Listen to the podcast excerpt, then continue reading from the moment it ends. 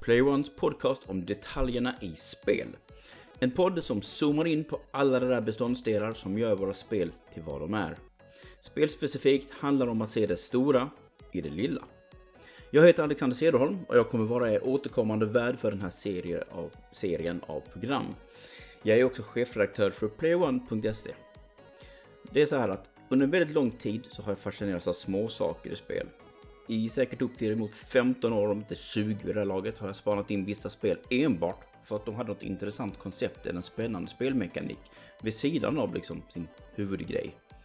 Spel som annars kanske var högst mediokra kan bära på hemligheter i formen av nytänkande och visa sig vara långt före sin tid. Men spelspecifikt handlar inte strikt om specifika spel, utan vi kommer tala om en rad olika spelmekaniker, system, koncept, speldesigner och mycket mer. Tanken är att spelspecifikt ska vara runt en timme och lättsmält, även om ämnet kan vara lite svårtuggat ibland. Men det är såklart alltid just ämnet som avgör hur lång den här konversationen blir. Som vanligt så är jag inte ensam i studion, utan jag har med mig en väldigt speciell gäst som ligger mig väldigt varmt om hjärtat. Jag hälsar Fredrik Knight välkommen till programmet. Välkommen till Spelspecifikt, Fredrik. Tack så jättemycket Alex. Härligt att vara här.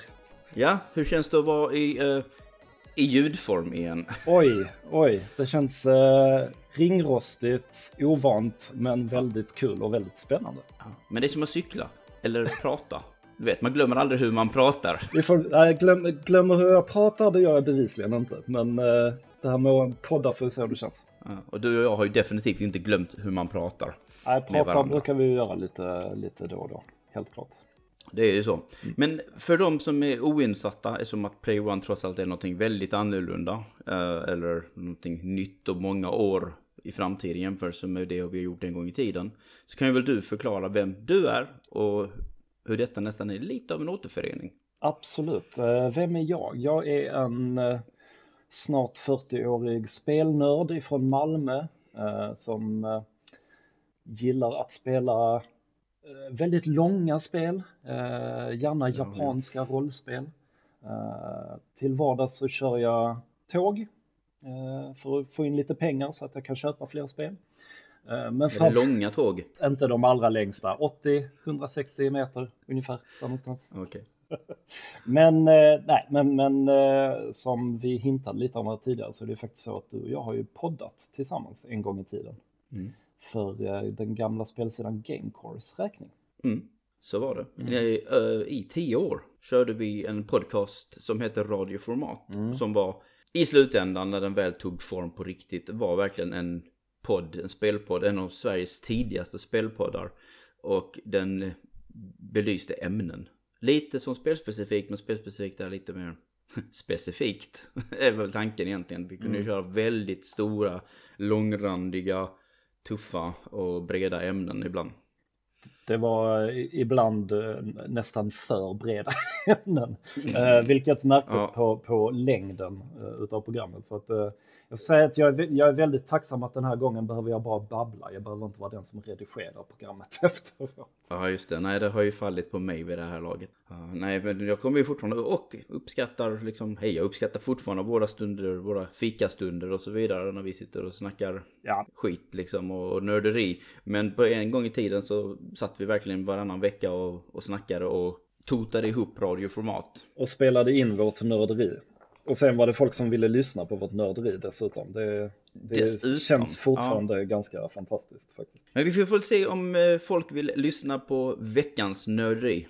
Och eh, veckans tema eller ämne är att, att anlända.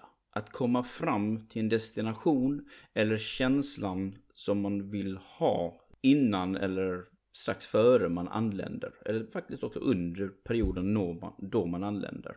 Det, det, det, låter lite abstrakt, men vi ska nog få det lite mera konkret än så tycker jag. Men innan vi pratar om, om spelen, så bara för att fånga känslan, så hade jag velat lyfta lite så här exempel från verkligheten. För att vi kan ju trots allt resa i verkligheten också. Mm, sanning med modifikation just nu. lite, precis, lite sanning med modifikation just nu. Men i vanliga fall, när vi inte har en pandemi över oss, så kan vi ju faktiskt resa. Mm. Uh, och det är lite av den känslan som jag vill att vi ska jaga idag och så här, fånga i dagens program. Uh, jag vill att vi föreställer oss till exempel hur det är att anlända till en stad, till exempel via en motorväg exempelvis. Det är ofta så man gör i verkligheten.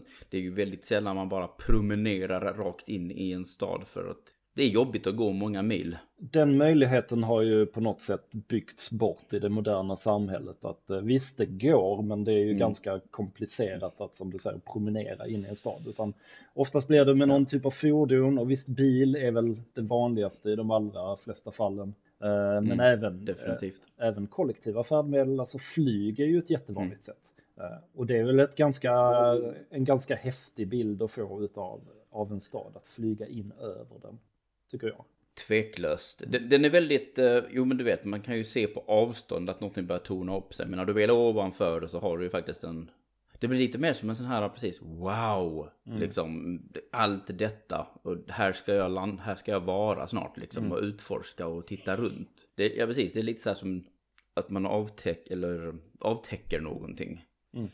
Kan man väl säga. Nästan lite som, vi hade ju ett exempel senare, vi kan ta det nu egentligen. Det passar ingen annanstans i programmet. Som när Columbia och Rapture avslöjas i Bioshock-serien. Ah, ja, just det. Det är liksom en avteckning, en ridå går undan. Och det är ja. väl nästan när man kommer in med ett flyg i verkligheten. Ja. I de bästa fallen. Eh, sen är det ju ganska vanligt att, att de riktigt stora flygplatserna ligger utanför staden. Mm, jo, det är sant. Man brukar flyga över staden ofta. Ja, jo, det, det beror lite på hur sakerna ligger placerade. Mm. Men visst finns det flygplatser där man, där man får se lite utav staden först innan man liksom går in över själva flygplatsen. Det gör det. Själv så skulle jag väl säga att en av mina mest faktiskt minnesvärda entréer in i en stad är ganska färskt faktiskt. Det är när jag besökte Toronto i Kanada i 2017. För dels, som sagt, jag har inte varit i en sån storstad. Skulle det vara Berlin eller du vet, London på sin höjd. Men det är fortfarande en viss skillnad hur hus är konstruerade och så vidare. Du har ju varit i USA till exempel, Fredrik. Ja, inte jättemycket, men jag har varit i Chicago har jag varit. Mm, men du kanske ändå kan relatera till mm. arkitekturen är ganska annorlunda. Ja, alltså som svensk att komma till Nordamerika överhuvudtaget med den, mm. liksom de, de vertikala höjden som vi inte riktigt är vana vid här. Nej, och det var exakt det som typ hände när jag när vi då så kom in i Toronto via bil via motorväg. Mm. Att jag visste ju om att jag är på en motorväg, jag är uppe i luften. För att jag är inte längs markplan utan jag är uppe på en bro just nu. Och nu börjar det helt plötsligt sticka upp liksom stora betongjättar längs med sidorna mm. av motorvägen. Mm. Så jag vet liksom om att jag är uppe i luften och jag ser halva höghus just nu. Och det var på någonting så att det var nästan som att man liksom åkte in som i en slags stegrande spira på något sätt. Det blev bara högre och högre liksom och maffigare och maffigare. Mm. Och det tyckte jag var faktiskt väldigt coolt när jag anlände. Men jag har även bara en enklare sak som att komma in till Oslo ifrån så här, äh, det finns en bro där någonstans. Och då är det ganska häftigt att få du vet anlända in i en stad eller på väg mot den via en stor bro. Mm. Över, äh, vad är det, över en stor flod eller någonting liknande. Ehm, det, är pampigt, det är lite maffigt. Det är mm. lite tråkigt när man inte har liksom tänkt på hur allt från turister till folk liksom anländer in i en stad. Det är, lite, det är, det är en känsla. Jag skulle nästan vilja eh, klaga lite på eh, verkligheten i det fallet. Att jag tycker att, okay. att många, många utav våra städer, speciellt när man kommer in med bil skulle jag säga, så presenterar mm. sig liksom staden väldigt sällan från sin häftigaste och bästa sida. Det är ju liksom, mm. visst du, kan, du kanske så här på håll kan se lite utav en stads skyline. Speciellt när det är mm. större städer och, och, i USA ännu mer där, där, husen är så väldigt höga att man ser dem på långt, långt håll. Men mm. de allra flesta stora städer i Sverige och även utomlands, vad är det man ser när man kommer in med bil? Man ser lagerbyggnader, industrier, staket, mm. bilparkeringar. Ja det är liksom... Äh. Här i Malmö så spottas vi ut mitt framför uh, entré. Ja, men, det, men, det, men inte, in, nej, och inte innan du har passerat alla de här liksom stora lagerbyggnaderna när du kommer in Ystadvägen mm. liksom, till exempel. Ja, till exempel. Eller mot, ja precis, du har ju motorvägen också. Eller från Lund, samma sak. Det är också mycket liksom lagerlokaler och så här längs, längs Lundavägen. Så, Det är billigt att ha lager Ja. ute i kanten av så, staden. så väl jag det. tycker väl nästan att den, den häftigaste känslan jag, jag får när jag anländer någonstans, det är när jag kommer in med tåg. Eh, och inte nödvändigtvis... Nu inte, är du partisk. nu är jag partisk. Nej men jag skulle säga inte nödvändigtvis heller när jag åker in med tåget. Det finns städer där, där det, när man närmar sig Stockholms central är det ju väldigt läckert. Liksom. Man ser många av de här kända byggnaderna utanför tåget. Men, men just känslan när man går ut från centralbyggnaden och bara liksom ser staden runt omkring sig. Ah. Man, man ankommer ju som regel mitt inne i smeten. Och så är det även i Ja, Chicago. Liksom, när man tar tåget in till Chicagos centralstation och kommer ut och bara omges av enorma skyskrapor och teatern och liksom allt. Väldigt, väldigt häftig känsla. Där, där är det lite tråkigt, beror, kanske, kanske beror på vilken sida man stiger ut på i, på huvudbangården i Köpenhamn. Mm, Den är ganska tråkig var man än stiger ut tycker jag. mm. Jo visst, så kan det vara. Stockholm däremot kan vara ganska på maffigt faktiskt Ja. också. Ja. Vår, vår egen centralstation i Malmö är ju också, när man kommer ut från centralstationen Ja, i den Malmö, är definitivt schysst.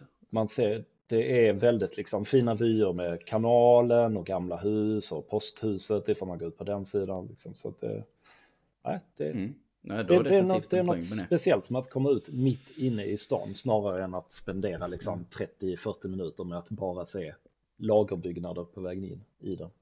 Jag kan se det framför mig i spel. Du vet att du är inne i, i eh, tågstationen. Och sen så öppnar du dörren. Och så, så blir det liksom Bloom-effekten. Den här Ja, överslagseffekten exakt. som vi har typ med HDR nu liksom. Exakt. Och man bara Wow, där är staden liksom. Också nästan som en avteckning. Och du får den här panoreringen som visar de kända byggnaderna och så stadens Mm. temamusik och så vidare. Jag tycker det är ett väldigt intressant perspektiv som du lyfter där liksom. Att helt plötsligt så, det är inte riktigt ankomsten med tåget in. Utan det är snarare liksom ankomsten när du har stigit ut och Ja. ser staden väldigt plötsligt. Då är det den här avtäckelsegrejen alla Rapture och Colombia och så vidare som är bara verkligen swoosh, här är den. Ja.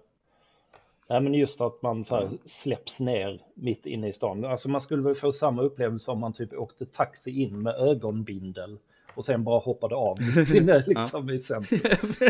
Mitt i New York liksom. Ja, Oj då. typ. ja, absolut.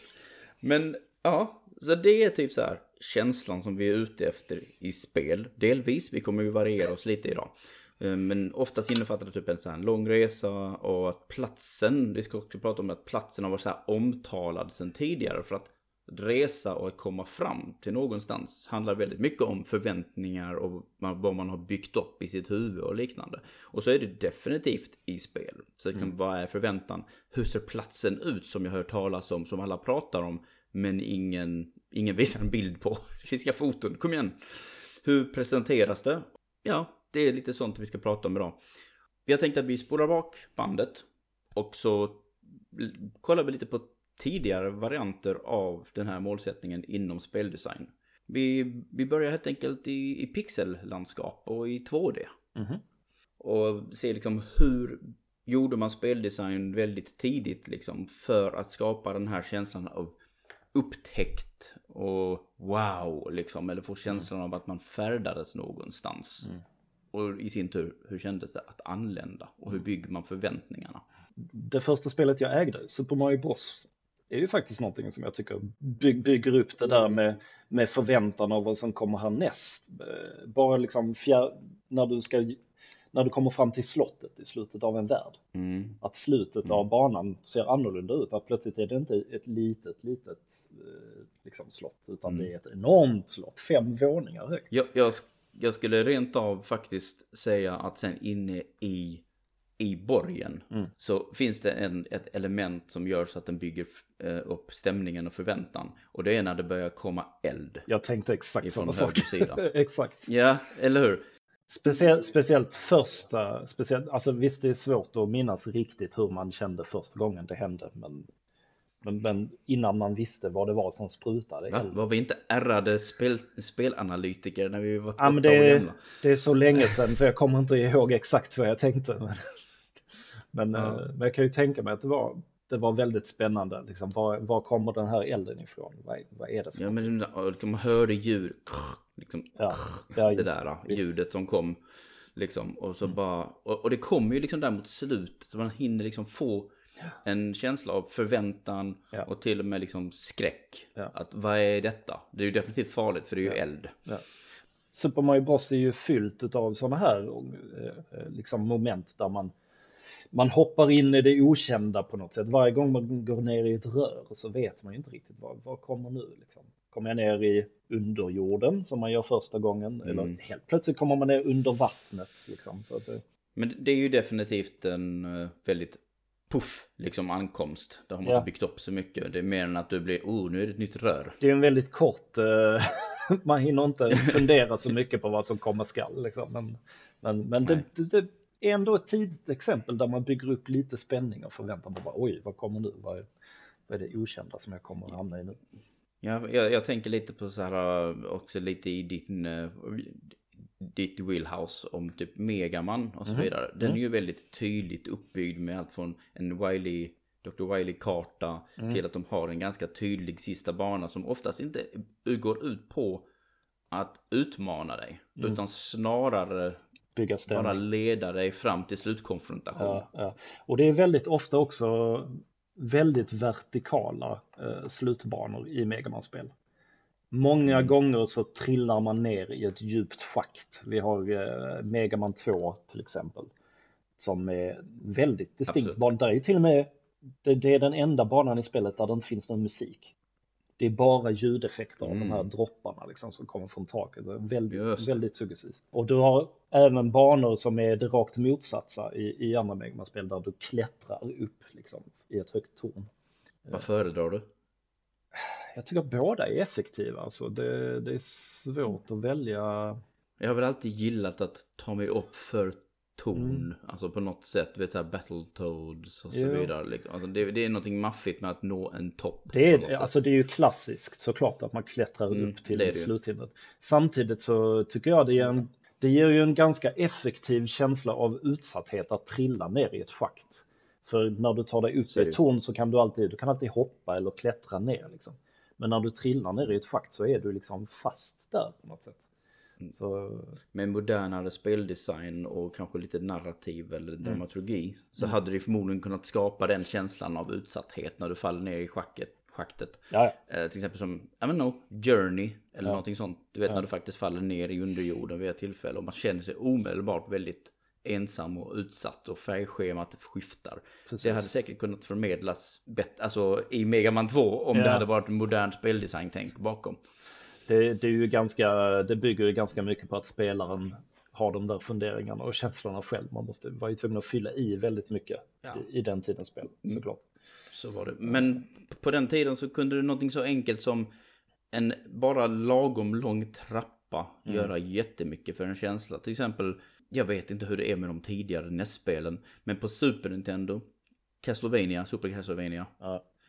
Bara den lilla enkla trappan precis före Draculas rum. Ja. Det är liksom, man vet om att, oj, Den är ikonisk. Den, den där sista lilla trappan upp till, till tornrummet, liksom, den, den har ju funnits i stort sett sedan, sedan starten. Eh, den har väl kanske har det ja. blivit mer överdriven eh, i senare spel. Mm. Men jag tror det, det allra, allra häftigaste i Super Castlevania, det tycker jag nästan är innan trappan. Efter att man har slagits mot döden. När musiken bara är borta och så hoppar man upp i en korridor och när man börjar gå Och då igenom misstänker jag korridoren att så... musiken var, Ja, då misstänker jag att musiken var intensiv när man mötte döden. visst var den det. Och sen är den helt tyst och sen börjar man gå i den här korridoren och så tänds facklorna så här en och en. Och så börjar den här liksom långsamma, eh, det är samma musik Ja, som ja, är i, i introt, när texterna bara wow, du, du, du, du, du, du, du, liksom. Jätte, jätte, jättestämningsfullt och bra. Det är ju ett gammalt, gammalt spel vid det här laget, tidigt 90-tal Mm. liksom. Och det är, det är få moderna spel som, som slår det på fingrarna med att bygga stämning så effektivt. De gillar ju väldigt mycket att bygga upp det här inför framförallt slutkonfrontationer i, Mm. i de tidigare spelen. För det ska ju vara lite speciellt när det är mot slutet av spelet liksom. Ja. Så det är ju förståeligt liksom varför man la lite extra krut på den, den biten med kombination av, som du nu sa, jätteenkla medel. Man bara ja. så här, tända ljus ja. och använda sig av musik. Eller inte. Eller, eller fallet, inte. Ja, eller inte eller som inte. i Megaman 2. Men du kan ju också, eller så bara du vet, skapar du en pampighet mm. med det. Eller du, ja, det finns ju många sätt som du kan använda musik för att bygga en känsla. Vi det. det. är vi ganska mycket överens om. Ja, Nej, men av, avsaknad av musik är ju en klassisk grej. Eh, som jag ofta tycker är väldigt effektiv. Eh, men såklart även ett, ett bra pampigt och, och liksom mäktigt musikstycke kan ju också göra sitt. Den saken sagt. Någon, en som jag verkligen tycker så här, jag vet inte varför, men jag bara en mästarklass i det. Det är ett modernare spel men alltså mm. Super Mario Galaxy 2s sista låt före Bowser är en sån sjukt bra kombination av lite pampig, men mm. framförallt väldigt mycket känsla av att du har nått fram. Mm. Det är snart dags. Den är lite triumferande, mm. liksom på något sätt. Och, och den känns också så här, snart kan du pusta ut. Det är typ den känslan jag får av den låten. Mm. Jag tycker den är så sjukt bra. Mm. För den, den mixar någon slags kombination av precis pampigt och förväntan och snart är det över. Mm. Du har nått fram. Nej, men just uh, musik som verkligen säger till dig som spelar att nu är det slut. Nu, nu kommer slutet, nu kommer mm. sista striden. Mm. Liksom. Det här är, är, det är jätteviktigt. Det är något som jag tycker att... Då har man ju lyckats. Då har man lyckats, ja. Men uh, det är något som jag tyckte att Secret of Mana lyckades jättebra med också. När uh, Mana-fortet, när det kommer upp på kartan. Ja, ja, ja. Och, mm. du, för du har ju en, en drake som du flyger omkring med i det spelet. Eh, efter, mm, efter, när, ja, precis. När du har kommit ungefär halvvägs så får du en drake som du kan rida på och då kan du ta dig till en massa nya platser som inte har varit åtkomliga tidigare. Men sen i slutet av spelet när, eh, när liksom det sista fortet, den sista platsen blir tillgängligt så byter de ut musiken som spelas när man rider på Flammy från en väldigt glad, glättig, liksom äventyrlig trudelutt ja. till en superödesmättad en flöjt Just och så. det, det är ju den låten. Vi, jag får nästan smita in den här. Och så plus att det, det väl blixtrar lite när man flyger runt uh, fortet tror jag också. Mm. Och, uh, himlen har ju också bytt ton och färg. Just det, det är väl solnedgång eller något sånt. Liksom. Ja, det är liksom eh, skymning ja, eller någonting ja. åt det hållet vid den tidpunkten. Allt det här bara förstärker känslan av nu är det allvar. Nu är vi liksom vid, vid det sista Eh, den, svår, den svåraste och den slutgiltiga fighten. Precis, då är det inte ens inne i manafortet. Nej. Utan de till och med lyckats förmedla det i en öppen miljö ja, och ändrat ja. liksom tonen i hela världen. Visst. Bara byta musiken kan vara väldigt effektivt. Eh. Final Fantasy 7 ett mm. annat spel som också ändrar tonen fullständigt på kartan. Eh, det är ju inte det är ju en ganska bra bit från slutet av spelet som det händer. Men när, de, när uh, Meteor har introducerats och man ser den i himlen mm. så är det ju plötsligt en helt annan stämning ute på världskartan. Ja, och musiken har ändrats till något mycket mer dovt och ja. Melankoliskt kan man väl kalla det. Domedag, så det känns som att den verk ja, verkligen är... Om vi vill gå så långt. Mm. Nej men absolut. Så det är ett intressant sätt hur man kan precis genom musiken bara förmedla. Och lite tonändring som sagt. Det är, det är ju ganska effektivt att se den här meteoren hoppa ja, på himlen visst, liksom visst i övre kanten. Visst är det det. Men eh, det var väl en liten tangent egentligen med Final Fantasy 7. Men, men just, jag tycker mm. det är viktigt att man, att man genom att man använder musiken också för att bygga upp eh, förväntningarna inför liksom, den sista platsen. Det, det kan definitivt hjälpa till någonting också som jag, jag spelar ju just nu Hades. Mm -hmm. Och det använder sig av ett grepp som gamla spel gjorde väldigt mycket. Det har en, en karta. När du klarar en zon så springer din lilla ikon vidare liksom till mm. nästa del. Och du klättrar alltså högre och högre upp ur Hades mm. eller Tartarus och så vidare.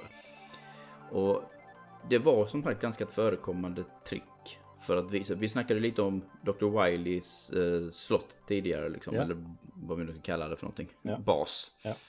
Du hade ju också några exempel på alltså, tidiga exempel på kartor och så vidare. Har du Castlevania också till exempel? Castlevania 4 är ju en, en bra karta till exempel. Uh, speciellt landsbygdskartan skulle jag säga är bra innan man kommer in i själva slottet. För att uh, på den första kartan så ser man ju verkligen att oh, nu kommer jag gå igenom en grotta och sen blir det vattenfall och, och, och sen så levererar själva banan exakt det som man liksom kunnat följa på kartan och sett. Man vet lite vad som väntar och det, det hjälper till att bygga upp förväntningarna och när man väl kommer in i vattenfallsområdet så bara ja, men det, det var exakt det som jag såg på kartan och då vet jag vad som kommer sen. Mm. Eh, Medan när du kommer in i själva slottet så är det bara ja, visst, du, du ser liksom hur nära slutet är jag och jag tror den byter musik ett par gånger så här också därför att höja stämningen. Den är väl ändå mer i stil med en Wiley-karta att du kan inte riktigt avläsa av kartan bara här vad kommer denna banan att vara liksom. Nej, det är ju bara en prick. Och nej, precis, för det har nästan ingenting med bilden att göra oftast. Bara, bara det enda som den brukar symbolisera är liksom så här, ja. hur går strecket? Knappt. Och oftast går banan i den riktningen. Går den ja. neråt och till I, vänster ibland. eller någonting sånt där. Men det är ju någonting som, som Megaman-spelen också är lite sådär bara att ja, det, det, visar inte riktigt hur banan är. Däremot så har, tycker jag att vissa Megaman-spel har ju använt kartan som lite humoristiska inslag nästan. Där du helt plötsligt har en, en bana vars linje är så kort att låten hinner inte ens spelas färdigt innan banan börjar. Liksom. Det är bara blipp. Det blir, nästan, det blir ganska humoristiskt. Och sen raka motsatsen har du i Megaman 10 mm.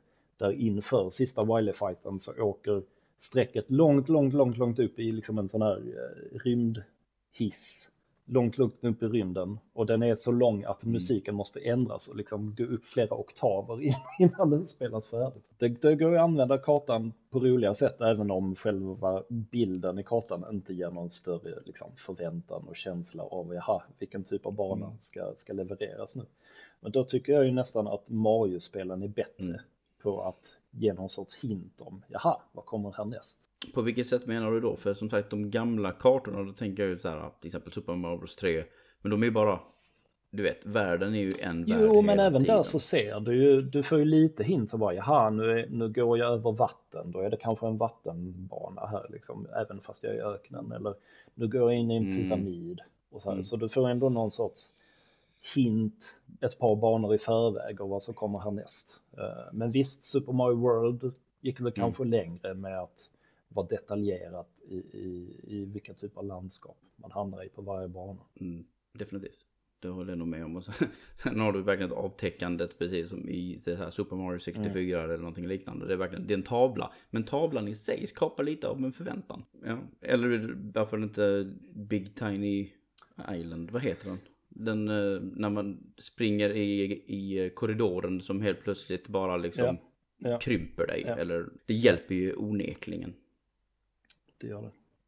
Eh, men om vi ska ta ett uh, sista lite retro exempel här. Metroid. Super Metroid väl framförallt. Där mm. du har ett, ett hinder som du, du stöter ju på det här ganska tidigt. Jag tror du vet vilket jag menar. En stor staty. Ja, ja, ja. Det finns ju även originalet för den delen i en mindre, mindre imponerande form. Den ligger ju verkligen mellan gränslandet mm. mellan mm. Brinstar och Torian typ. För det är väl precis det är. Det är liksom, ja. det är dörren. Porten till Torian som är, slut, som, som är slutplatsen precis. i Super Metroid. Och även Men det är ju verkligen ett exempel där man bygger upp en enorm förväntan i spelaren. Liksom. Vad finns bakom det här? Eller under som det skulle visa sig vara. Det är en så otroligt snygg mm. pixelskapelse liksom. Man bara, åh, så mm. otroligt snyggt. Man bara vill att de där ögonen ska börja lysa och allting ska ja, bli ännu häftigare. Men det är ju det är ett, ett annat sätt att bygga upp förväntan. Att eh, inte så mycket ge en hint om vad som finns bakom.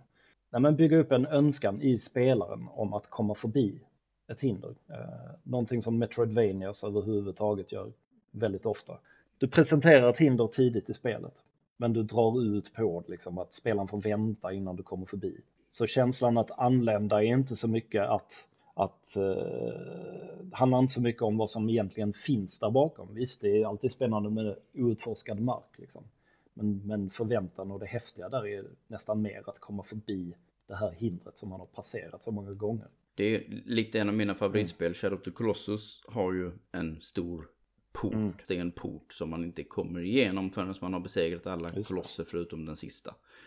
Jag ska nog erkänna att jag inte tycker att den var kanske tillräckligt pampig eller i ögonfallande. Att jag verkligen sa, åh jag vill igenom denna.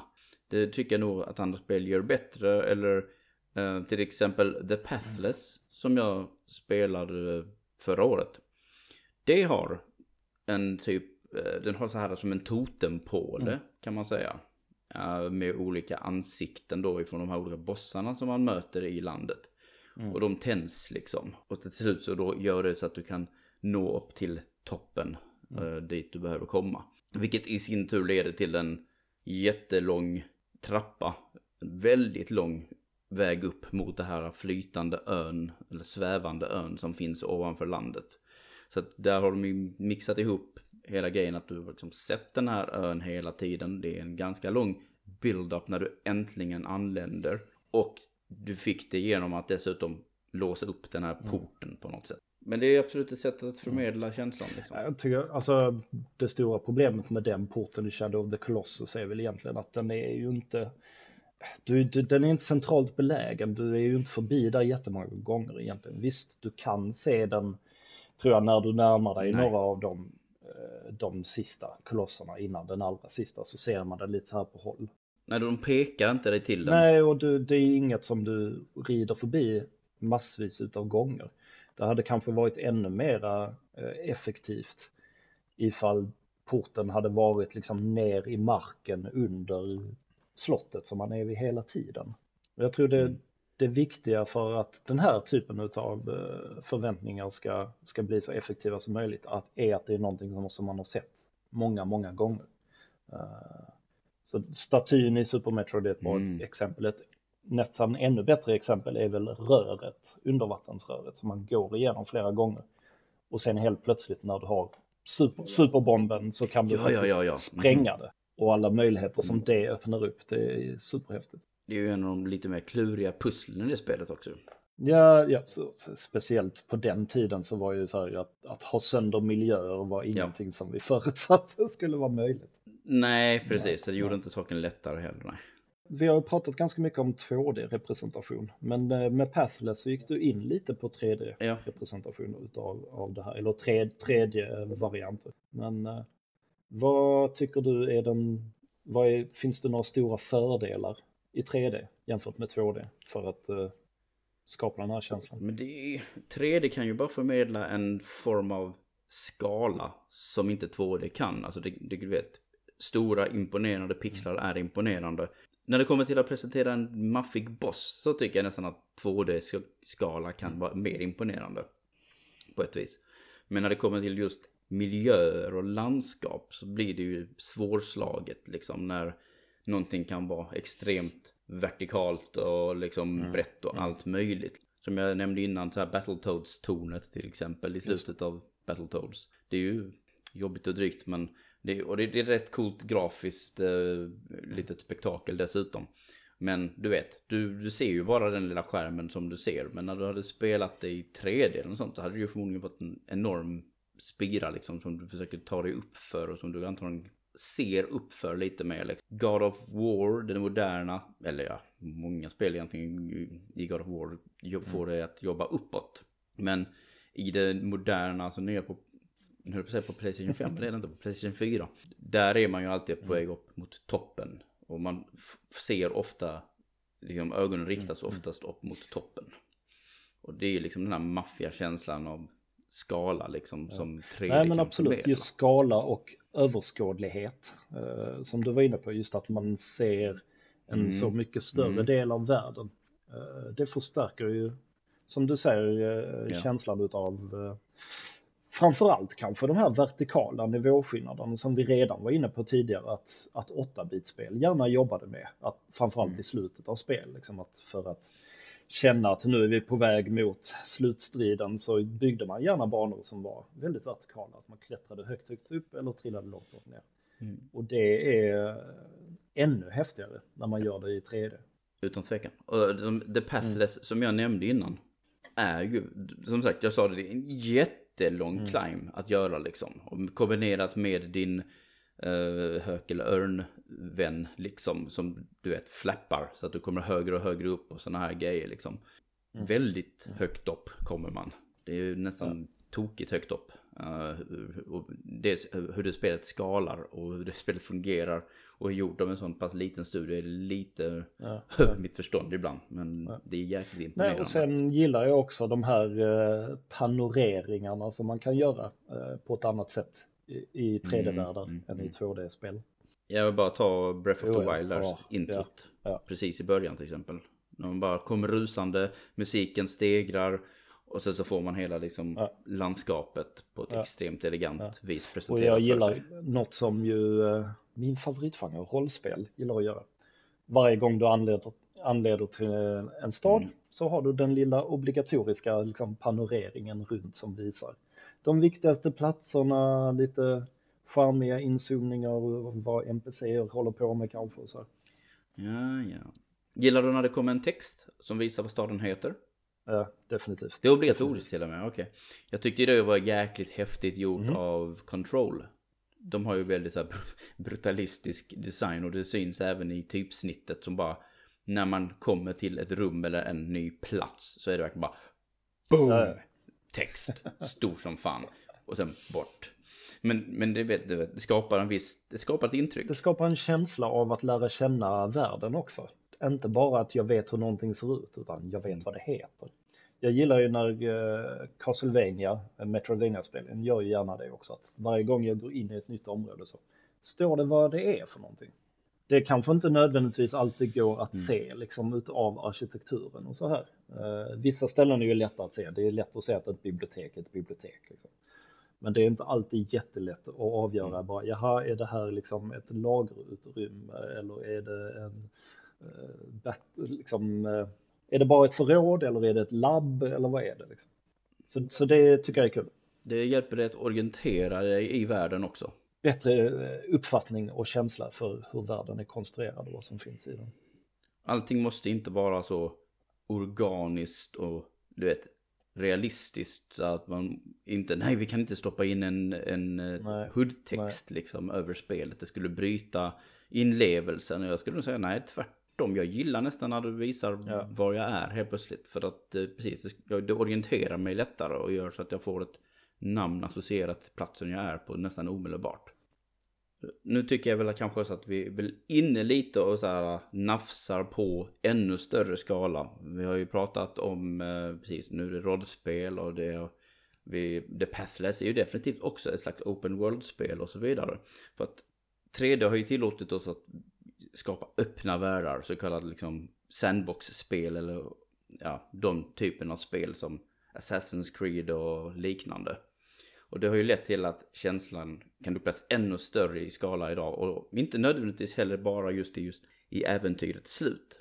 Som sagt, de gamla spelen gillar verkligen att pusha, pusha, pusha på hur det upplevs i slutet. Men i en öppen värld så måste du liksom mm. skapa delmål. Absolut ett av de kanske bästa någonsin mm. exemplen på det är väl uh, Zelda Breath of the Wild. Som både du och jag gillade väldigt mycket. Gillar väldigt mycket. Du vet, bara sådär ett av de bästa spelen som kom förra året. Nej, men no något som jag tycker att det gör så otroligt bra är att uh, spelet är inte så himla in your face med, med vad som är de här viktiga delmålen hela tiden. Utan det är ganska mycket upp till dig själv som spelare det är klart att det finns designade points of interest, liksom, men det finns ju väldigt många sådana och vilken ordning du tar dem i mm. är väldigt mycket upp till dig. Och speciellt ifall man, som jag gjorde, fullständigt bara stängde av alla hubbelement mer eller mindre. Eller huddelement. Och bara gick liksom på vad, vad mm. jag såg när jag klättrade upp i tornen och vad som såg intressant ut att gå till. Så, så var det en fantastisk open world-upplevelse i jämförelse med väldigt många andra spel i den här genren som bara har en minimap som man tittar på snarare än att titta på själva spelet och gå åt det som ser intressant ut på riktigt. Jag tänkte vara lite mer positiv och fråga om Breath of the Wild, när du kände att Breath of the Wild gav dig en upptäcktskänsla. När du mm. verkligen kände att, kanske just så som du mm. upptäckte världen, för det är ju en extremt öppen värld. Men på det mm. viset som du sprang och navigerade så nådde du fram till en plats på ett väldigt specifikt sätt för dig. och den kanske så slog lite hård, mm. hårdare för dig än för mig till exempel. Alltså det var ju väldigt häftigt första gången man såg en av de här drakarna som flyger omkring i världen. Den som jag tror är den första som de flesta ser är väl när man går igenom den här eh, ravinen där du har en flod som, som flyter igenom. Där det är väldigt stor chans mm. att du helt enkelt ser den här draken flyga genom ravinen under tiden som du är där. Men det var inte den första jag såg, utan den första jag såg var vid Lake Hylia. Som, och, den, och den såg jag på ganska långt Min avstånd. första var den som var i, i djungeln. Okej, okay. yeah. Yeah. Djungeldraken var den, djungeldraken, ja. låter så weird. Men djungeldraken var den Nej. första jag såg faktiskt. Precis, nej men den första jag såg var vid Lake Hylia och jag hade inte ens tänkt gå dit. Jag, jag såg en stor jävla drake på håll och bara, mm. vad, vad i helvete är det där liksom? Så det slutade med, med att jag utforskade hela det hörnet mycket tidigare än vad jag mm. förmodligen hade gjort annars. För att jag, jag såg det här liksom på håll. Jag har ju, jag kommer inte ihåg, vad hette uh, ninjabyn? Ja men är den, det är väl Kakariko som är ninjabyn i Breath. Emellan Kakariko och Hateno typ så finns det typ en mm. lång mm. flod eller canyon på något sätt. Och där utforskade jag av någon anledning på ett visst sätt. Jag sprang över mm. klipporna och grejer, verkligen utnyttjade mitt klättrande. Och då hittade jag typ en ruin mm. i den canyonen liksom. Och det var en av mina första gånger i ja, spelet som ja. jag kände att wow, jag hittade det här liksom. Ingen pekade mig hit, men jag hittade detta. Detta är mitt nu. Det var väldigt häftigt också första gången man, som jag på allvar började segla med, med flottar och utforska liksom ute, ute i kanterna på kartan och jag snubblade över den här mm. Robinson Crusoe-ön eller vad man ska kalla den. Du har ju en, du har en ö som du kommer till, ja precis, Eventide. Du kommer dit och så startar en challenge och du blir av med alla dina grejer. Så du, du börjar spela med Link i shorts och sen mm. är det bara överlev. Det var också, det var också häftigt. Jo, det enda jag tycker är tråkigt med den är att det blir i princip en hård cut-off yeah, man använder till den. Jag vet, jag vet inte hur man skulle göra det annars. Liksom. Nej, hur, hur, blir du av med grejerna? Det är liksom, väldigt speligt. Det är, det är väldigt speligt. Det är ju liksom, den ön blir ju väldigt spelig och bara utmanar att göra en Fast den är, den är ju liksom, väldigt ospelig i själva, alltså själva spelmomentet när du väl är där. är ju väldigt upp till dig själv vilken, vilken typ av strategier ja, ja. du ska ha. Då är det väldigt inlevelsefullt och sådär. Ja, jo. Det är bara mer hur de så här metroidar dig helt plötsligt. Jag vet inte hur man skulle göra det annars. Men, men det var ändå känslan av att hitta någonting Nej. radikalt annorlunda från allting annat jag hade upplevt i det spelet hittills. Som var häftigt.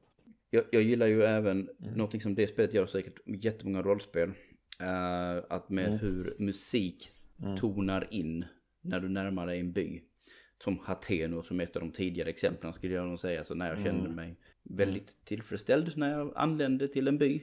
Liksom, att det var verkligen bara, jag hade ju sett det på avstånd och jag kom ju där flygande med min, mm. med min drake. Och så när man äntligen började liksom kom mm. tillräckligt nära så började man höra den här mysiga mm. låten tona fram. Uh, och det är ju också en väldigt tillfredsställande sätt på något sätt att komma in och anlända till en plats. Det var också en häftig upplevelse när man uh, anländer till Ritos-staden första gången. För jag gjorde ett uh, ett tydligt mm. beslut efter att jag hade liksom låst upp de här förmågorna och sånt i Hateno och Kakariko och liksom inlett spelet på något sätt. Eh, så gjorde jag ett väldigt medvetet beslut att jag ska hitta Ritostaden så snabbt som jag bara kan. Jag chansar på att det är det där borta vid den stora liksom flygande eh, Divine Beasten. Så jag gick åt det hållet och sen när man närmar sig mm. Ritostaden så börjar ju man känna igen musiken ifrån The Wind Waker. Och det var ju en förhoppning som jag hade mm. att den musiken skulle vara där för jag visste att det fanns Ritus i spelet. Så det, det var väldigt tillfredsställande när jag märkte att yes, det är, det är den melodin som jag får höra. Fan vad gött. Vi tittar på ett mm. annat spel, ett spel som faktiskt kom samma år som Breath of the Wild är ju Horizon Zero Dawn. Och det är någonting som jag började spela faktiskt i år, tidigare i år. Uh, och där är det, som sagt, det spelet tappade mig lite på grund av att det händer väldigt lite om man inte tar the critical path. Och till och med om man gör det så gick, mm. gick det lite långsamt till slut tyckte jag liksom. Och en av de stora grejerna från den punkten när det hände jättemycket i spelet till den punkten då man ska försöka ta sig till nästa stora destination. Det är en stor stad, tydligen en av de största städerna, om inte den största, i det landet som heter Meridian. Och allting jag hörde om den platsen fick mig så åh det låter som något sjukt coolt ställe. Och så har man spelat mycket japanska rollspel så man börjar tänka mm. på väldigt mm. spektakulära platser liksom och sådana här grejer. Vet, höga torn, spiror, allt möjligt. Och sen när jag till slut kom fram genom, efter en lång, alltså åtskilliga timmar och en, genom en öken och en canyon och allt möjligt liksom. Det levde inte upp till mina förväntningar. Det var en ganska tråkig rödbrun borg.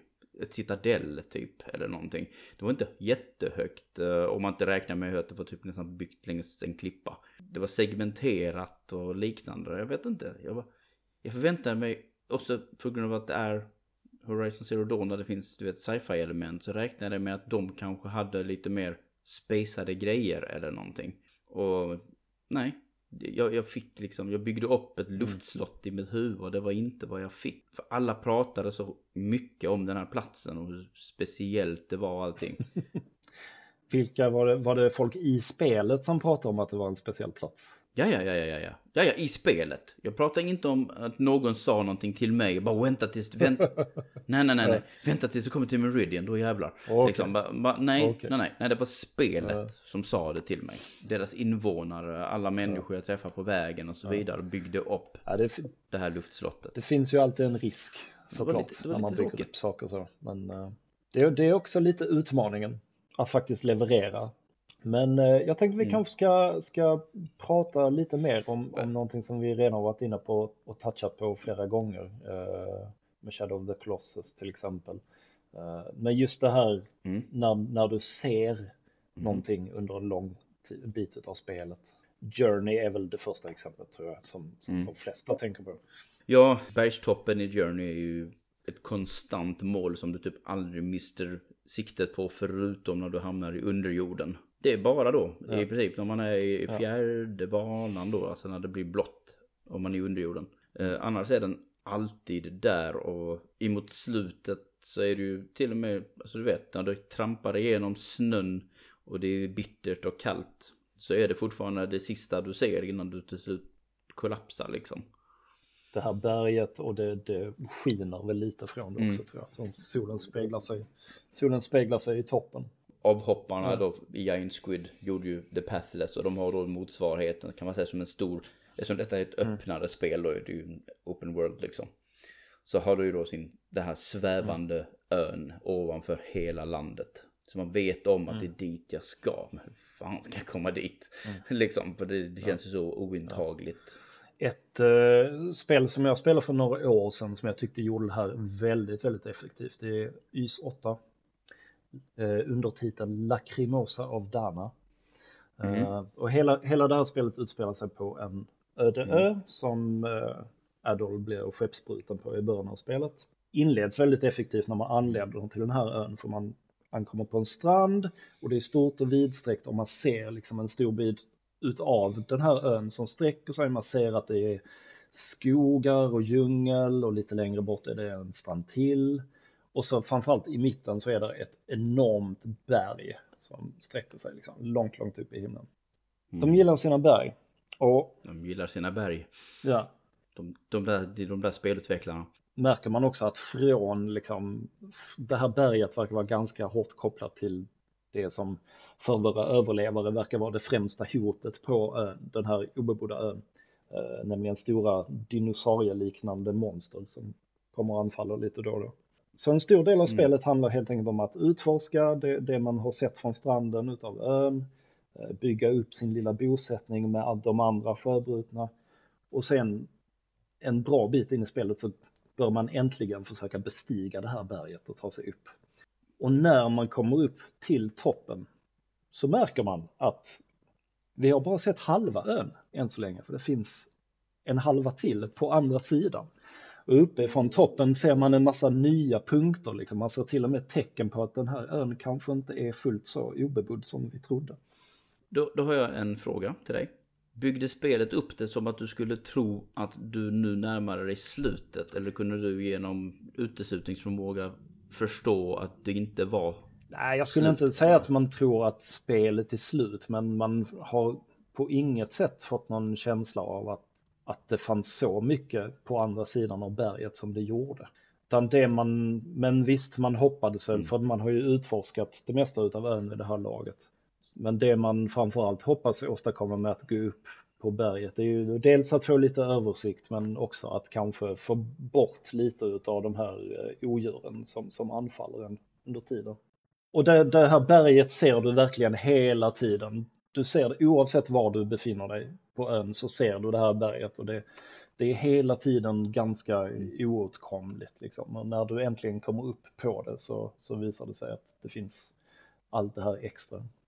Uh, och sen har, du en, sen har du en cool sekvens när du går ner på andra sidan och den spelar en jätte så här uh, eh, äventyrlig uh, wonderlustig låt liksom. Som, som bara låt. Yes, det finns dubbelt så mycket kvar att upptäcka. Liksom. Det är mittpunkten av spelet snarare än, än slutet, absolut. Ja, det är, det är coolt. Men definitivt.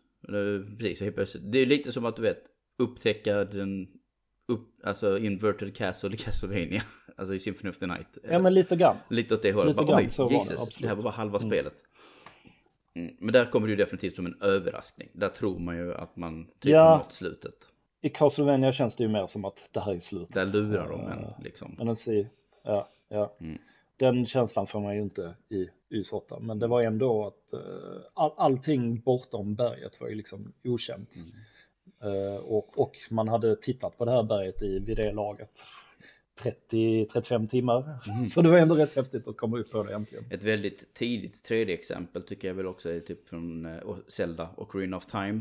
När du mm. väl kommer anländer till framtiden som vuxna Link och du har Ganons Tower väl synligt mm. liksom när du kommer ut ifrån Temple of Time.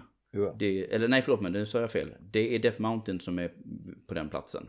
Men däremot när du går igenom staden så har du Ganons Tower. Som eh, mm. Bara står där och ser imponerande ut. Står det inte uppe på Slottsbacken? Jo, jo det är på Slottsbacken. Men det eller? syns inte, i, det men det syns inte från Temple of. Time. Utan det är ju Death Mountain med sin eldring som man ser på den platsen. Ja, ja, ja. Så okay. jag förväxlade okay. dem lite försiktigt där. Uh, och det ja. är ju som ett trevligt också så här slutmål. Man vet att man har det där liksom. Um, ja, det presenteras tidigt. Väldigt. Man vet, alltså, alltså ja, mm. så tidigt som det nu är när man har ändå gjort tre stycken tempel och så vidare. Ja, men, men det är rätt klassiskt. Halva, halva spelet ja. ändå. Det är väldigt klassisk Zelda-position liksom. Visst är det det. Mm. Uh, det ju, påminner ju ganska mycket om pyramiden i Dark World i Link to the Past till exempel. Mm. Som bara, är, du ser den direkt när du ankommer till Dark, till uh, Dark World. Ja. Men du, du landar på den. Du har ingen aning om hur du ska ta dig in. Du landar ja. på den. Men du har absolut ingen aning om hur sjutton ska jag ta mig in. Nej. Och sen dessutom så vill jag väl ge en liten eloge till det här spelet också när man kommer in. När, när du väl liksom har mm. klarat de små utmaningarna där och så vidare. Och du har den här fantastiskt ändå så spektakulära trapp, trappan, trapphuset. Liksom. Mm. Med väldigt imponerande fönster och allting sånt här. Det är så sjukt snyggt, det är stämningsbyggande, det är röda mattor.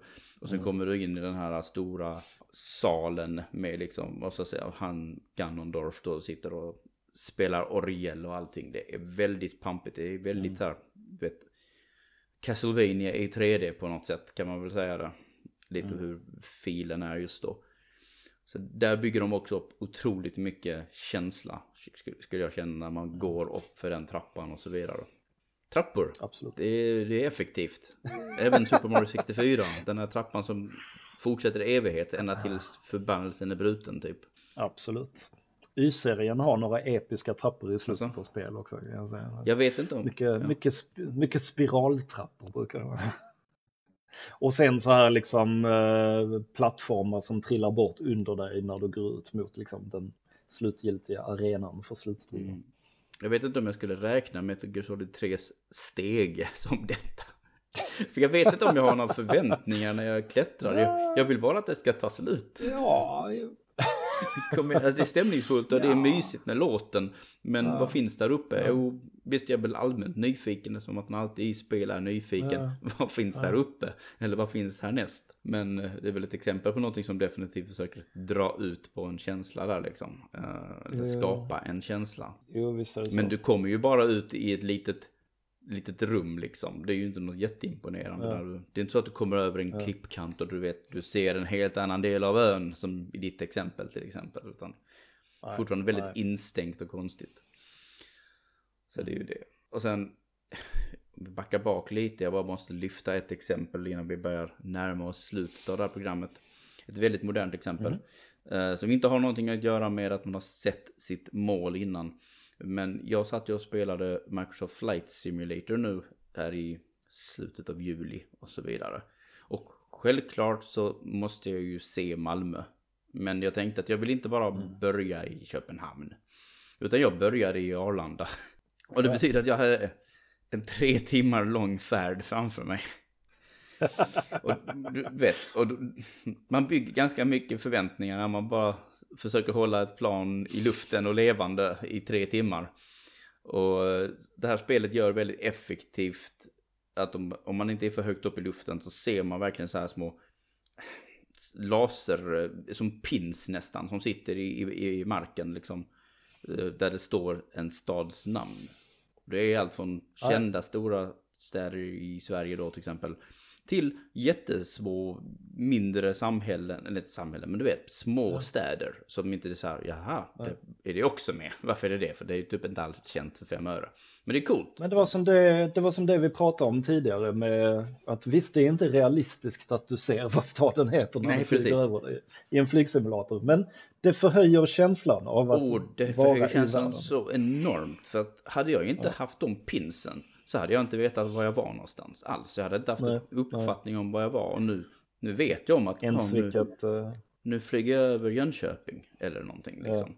ja, precis. Du hade inte ens vetat att det var Småland eller Östergötland Nej, för att i, i riktiga världen så blir det liksom inte öken när du flyger in i nästa Nej. landskap Men nödvändigtvis. när jag då såg det och såg liksom att nu är jag i Skåne, här, här, här är Hör. Då kommer Mm. Lund snart. Då är Malmö bara en liten bit bort. Kan jag till och med se motorvägen ungefär liksom. Och mycket Mm, riktigt så kunde jag det. För det har blivit natt så det började liksom bli så här pärlhalsband av liksom ljus och grejer. Sen när jag anlände som sagt, till Malmö så var det verkligen på natten och det var upplyst och det bara tornade upp sig. Och det var jäkligt nice. Det var väldigt häftigt. Att eh, få se sin hemstad från det perspektivet. Liksom komma inflygandes på det viset. Hur eh, detaljerat representerat är Malmö i Flight Simulator? Alltså det har, jag, jag hittade mitt hus. Ganska okej. Jag Ja, hittade mitt hus. sweet. Det såg inte 100% perfekt ut men alltså det är ju definitivt, det var där. Formen var där. Gatan var där. Mm. Eh, och jag har lite an- andras hus också liksom i den stan. Så att eh, det är ju liksom korrekt återgivet men du vet det är ju inte fungerande 3D-modeller på alltihop. Vilket såklart inte mitt Nej, hus nej. var. Men Torso är ju där och andra ställen Ja. och, och Öresundsbron är ju såklart där också. Um, det var ju till och med där innan den här Nordic-patchen. Men med Nordic-patchen så blev Öresundsbron ännu mer imponerande liksom. Eh, När, hur den såg ut och så vidare. Men det tycker jag liksom så här. Du vet, det är ju en mix av verkligheten och Ja, spelvärlden visst. såklart. För det är ju, jag, för, det- jag förstår att eh, förväntningarna byggdes upp när du höll på i tre timmar. Att herregud, ja, här. du anar inte hur mycket jag bara ville se liksom den biten av, av mitt Skåne liksom till slut. Ehm, eller av Sverige överhuvudtaget liksom. Mm. På tal om eh, förväntningar som byggs upp över lång tid. Mhm. Jag tänkte flika in lite här med kanske det första som jag tänkte på när jag, när jag läste det här ämnet i, i listan av möjliga ämnen som du hade. Mm. Eh, Det var nämligen att bygga upp förväntningar inte genom att visa någonting visuellt ens på långt, långt håll, liksom, utan snarare genom att bara berätta om en plats med eh, dialog, worldbuilding. Eh, du var inne på det lite redan med, med Horizon. Med Meridian, ja precis. Hur Ja, ja, eh, precis. invånarna i det landet liksom pratade Ja. mycket om den, den här platsen, den här staden. Ja. Där alla åkte och vallfärdade till och så vidare. Och det är ju det är någonting som jag alltid har uppskattat jätte, jättemycket. Uh, och en serie som väl kanske är alltså det, det är absolut världsklass när det kommer till worldbuilding. Uh, om inte annat så för att den här serien har pågått under så lång tid. Mm. Uh, det är Trails-serien, Legend of Okej, okay. och Falcom också va? In, in, ja, Falcom. Uh, de gör ju U-spelen också. Men, men Trails-serien är deras långa liksom, historieepos, eller vad man ska säga. Och för att väldigt enkelt beskriva lite hur den här serien fungerar så kan man jämföra med, med MCU. Okay. Eller en lång fantasy bokserie. Eller en annan bokserie, det behöver inte vara fantasy, men just fantasy passar ju bra eftersom de tenderar att vara 14, 15, 16, 17, liksom väldigt många böcker långa. Mm. Uh, och den här serien är nu uppe i, ska vi se, 10 spel släppta i Japan, snart 11. Uh, eh, nio spel finns att spela på engelska. Och så är storyn uppbyggda i små story arcs. Det första arket är tre spel, nästa är två spel, det senaste arket vi fick spela var fyra spel. Och alla spelen hänger ihop, de utspelar sig på samma kontinent och redan i liksom första story arket så bygger de ju upp kringliggande länder. Liksom. Första story arket utspelar sig i ett litet land som heter Liberl mm. och de bygger tidigt upp eh, förväntningar om liksom, det stora imperiet i norr som försökte invadera oss för tio år sedan liksom, och så vidare. Och bygger upp förväntningarna av hur det här landet ser ut. De pratar om deras klassystem och vad det betyder för hur landet fungerar politiskt. De pratar om att det är väldigt utbyggd järnväg i det här stora vidsträckta landet.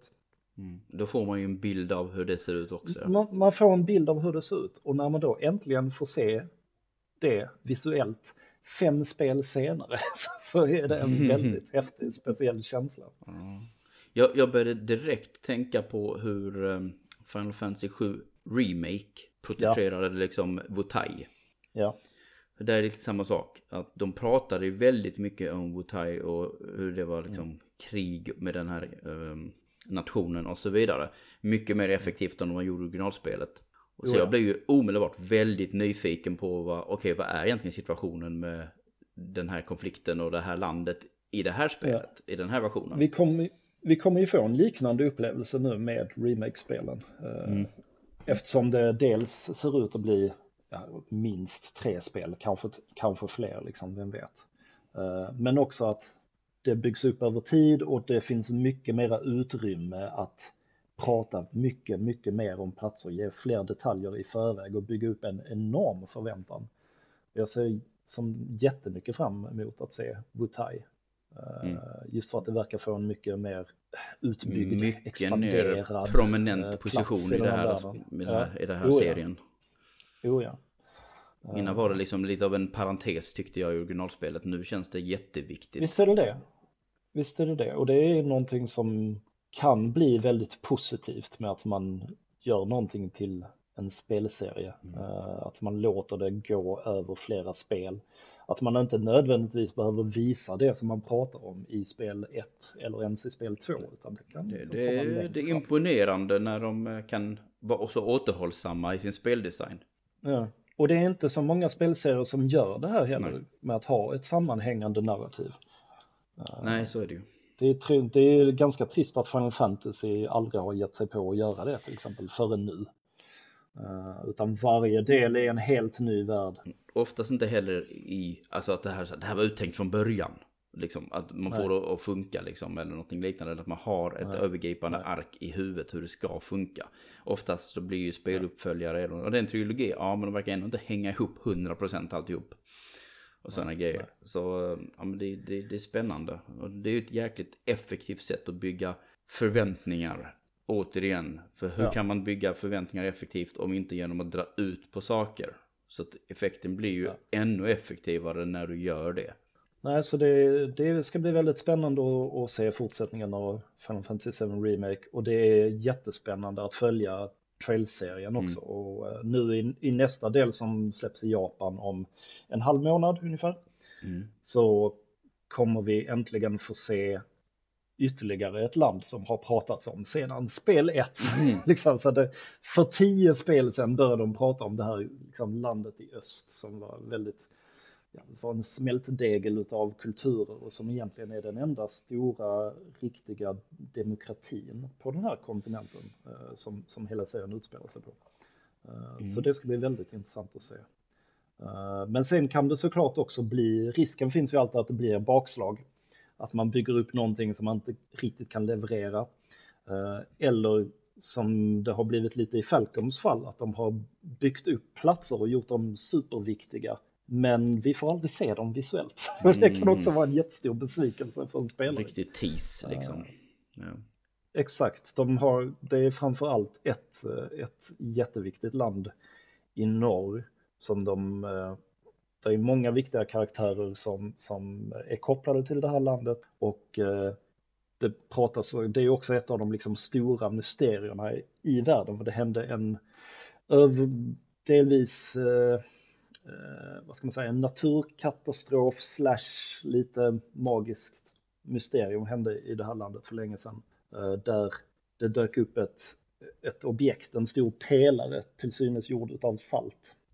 Uh, och efterhand så när personer kom i kontakt med den men också att det började sprida sig ut liksom salt ifrån den här pelaren och ta över mer och mer utav det här landet. Vilket har lett till en liksom total kollaps. Jättemycket fattigdom och flyktingar därifrån och, och folk som är väldigt bittra på adeln i landet och ja, väldigt många intressanta geopolitiska grejer mm. som, som är kopplade till det här landet. Men vi har aldrig fått se det. Nej. Jag hör att du verkligen vill se det. Jag hör att du är, jätte, du är extremt pepp på det här. Den här konstruktionen, eller den här världskonstruktionen som de har byggt upp. Ja. Det hör Så jag på dig. Det, är ju, det, är ju, det är ju en fara att bygga upp någonting för mycket och sen aldrig, an, antingen inte klara av att leverera eller vägra leverera. Mm. Ja men absolut. Och nu har vi levererat ett program Fredrik. Ja. Vi har anlänt till slutet av det här programmet till och med. Ja, det, det var det liksom. Det, det var, ska vi säga att det fortfarande var lite, lite halvabstrakt ämne. Det, visst lyckades vi göra det, ja, det blev konkret, nog. men precis. Det, vi försökte liksom jaga en känsla eh, överlag och vi märkte ju nu när vi har pratat att den har varit ganska flytande, flödande på något sätt liksom. Det har inte varit bara om att anlända utan det har varit lite olika Nej. sätt på hur känslor förmedlas när man reser i spel. Ja. Och mycket förväntan också kände jag Absolut. att, att det, det blev.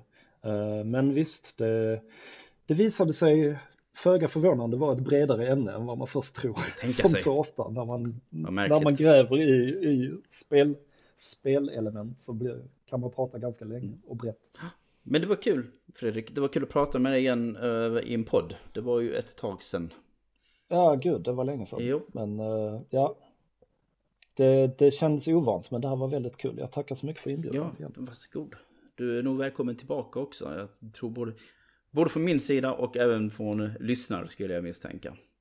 Alltid ett nöje att prata spel med dig. Tackar detsamma. Och gillar ni spel? Ja men då är det klart att ni ska besöka oss på playerone.se. Det är alltså playerone.se. Där skriver vi om spel.